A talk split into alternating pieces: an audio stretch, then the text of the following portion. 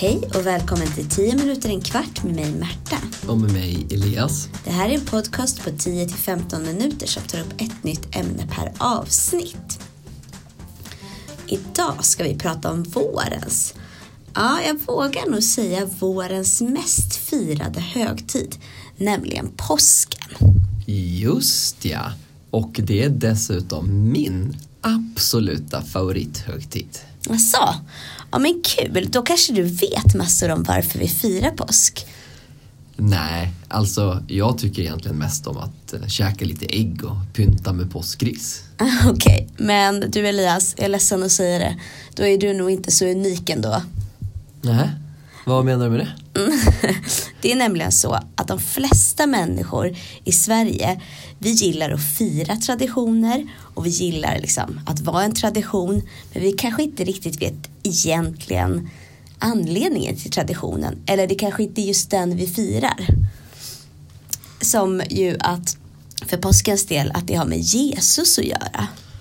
Okej, okay, men det är lite som med julen då med andra ord det är inte så många som tänker på att julen, den firar vi på grund av Jesus födelse. Exakt, och på påsken är det inte så många som tänker på att vi firar, eller firar och firar, men på grund av att Jesus dog. Nej, det tror jag faktiskt inte alls så många tänker på. Och det är ju faktiskt lite makabert ändå, att man firar att någon dog. Ja, men låt mig berätta så kanske det blir lite mer logiskt för dig. Ordet är ditt, Märta. Okej. Okay. Så här är det. Påsken är den största högtiden under det kristna kyrkoåret och firas till minne av Jesus enligt Nya Testamentet. Vi firar att Jesus dog och uppstod och eh, det här gjorde han för människornas skull. Och vi firar, det vi firar är egentligen själva uppståndelsen. Att han dog och uppstod, uppstod, det vill säga segern över döden. Så att, att säga att man firar att han dog, det är inte helt rätt, utan det är uppståndelsen vi firar. Och påsken består av flera dagar och först har vi skärtorsdagen. Ja, just ja, skärtorsdagen. Det är då man klär ut sig, eller barn klär ut sig i varje fall, till påskkärringar och påskgubbar och går ut på godisjakt. Precis, och det här med påskkärringar i alla fall kan man lyssna lite mer på i vår podcast om Blåkulla. Om man är intresserad. Eh, och enligt Bibel, i Bibeln så är den här dagen då Jesus äter sin sista måltid tillsammans med lärjungarna. Och det sägs då att han ska ha sagt åt dem att de ska fortsätta att dricka vin och bryta bröd även när han inte längre är hos dem. Så det är som att han redan vet att eh, jag kommer inte finnas här så länge till. Och dagen efter skärtorsdagen då, enligt Bibeln igen, då är det en fredag och den kallas för långfredagen och det är då som Jesus grips av romerska soldater och döms till döden. Och därefter får han bära sitt kors på vilket han sedan ska korsfästas på Golgatan. Och han korsfästes på det här korset som han bär och här hänger han tills han dör.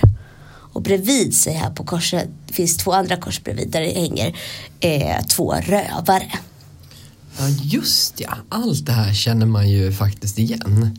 Och just den här bilden utav en ja, men nästan naken Jesus som bara har något litet skynke kring underkroppen och en krans utav en törnekrona på huvudet.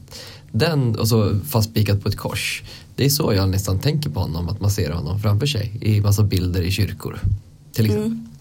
Ja men det är nog, tror jag, den vanligaste bilden på hur Jesus illustreras, just den här korsfästningen. Eh, förr i tiden var det här verkligen en sorgesdag och man skulle bära svart och man fick inte arbeta, inte ha roligt utan man skulle verkligen tänka på och vara tacksam för att Jesus hade liksom offrat sig för människornas skull. Okej, okay.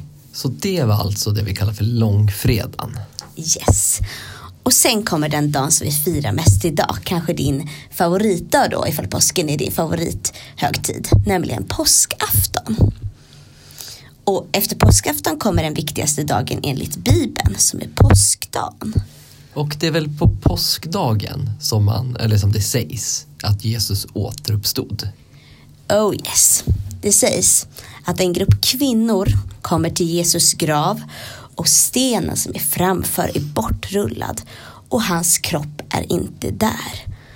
Och Jesus har alltså uppstått från döden, segrat över döden alltså. Och i och med att Jesus uppstår så besegras döden som jag sa och vilket enligt Bibeln innebär att människor inte behöver vara rädda för döden. Och påskdagen firar vi enligt Bibeln att livet har segrat över döden och att godheten i och med det här har segrat över ondskan. För livet och godheten hänger ihop på ett sätt medan döden och ondskan hänger ihop på ett sätt.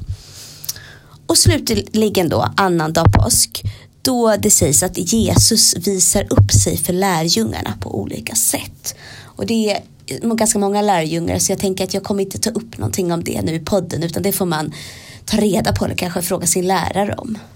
Det låter väl som en jätte, jättebra idé och då kan man passa på att fråga sin lärare om vad de här två rövarna som hängde bredvid Jesus hette också. Det jag tycker var en jättebra redogörelse Märta. Men mm. jag har lite frågor. Oh, hoppas jag kan svara på dem. Shoot. Varför äter vi ägg då på påsken? Ja, men egentligen är det ju fasta sex veckor innan ägg. Innan ägg, innan påsk. du vet den här julsången. Och julen varar en till påska. Men det var inte sant, nej det var inte sant för däremellan kommer fastan. Exakt, fastan, den brukar inte jag ta så mycket allvar på. Men, men det, den finns där mellan julen och påsken. Och den är alltså innan påsk och precis i anslutning till påsk. Och då eh, liksom så värper tamfåglar mycket ägg, mest som mest ägg. Och under fastan får man inte äta mat som innehåller ägg. Så då har man liksom massor av ägg vilket gör att ja, när fastan är slut då festar man loss på de här äggen.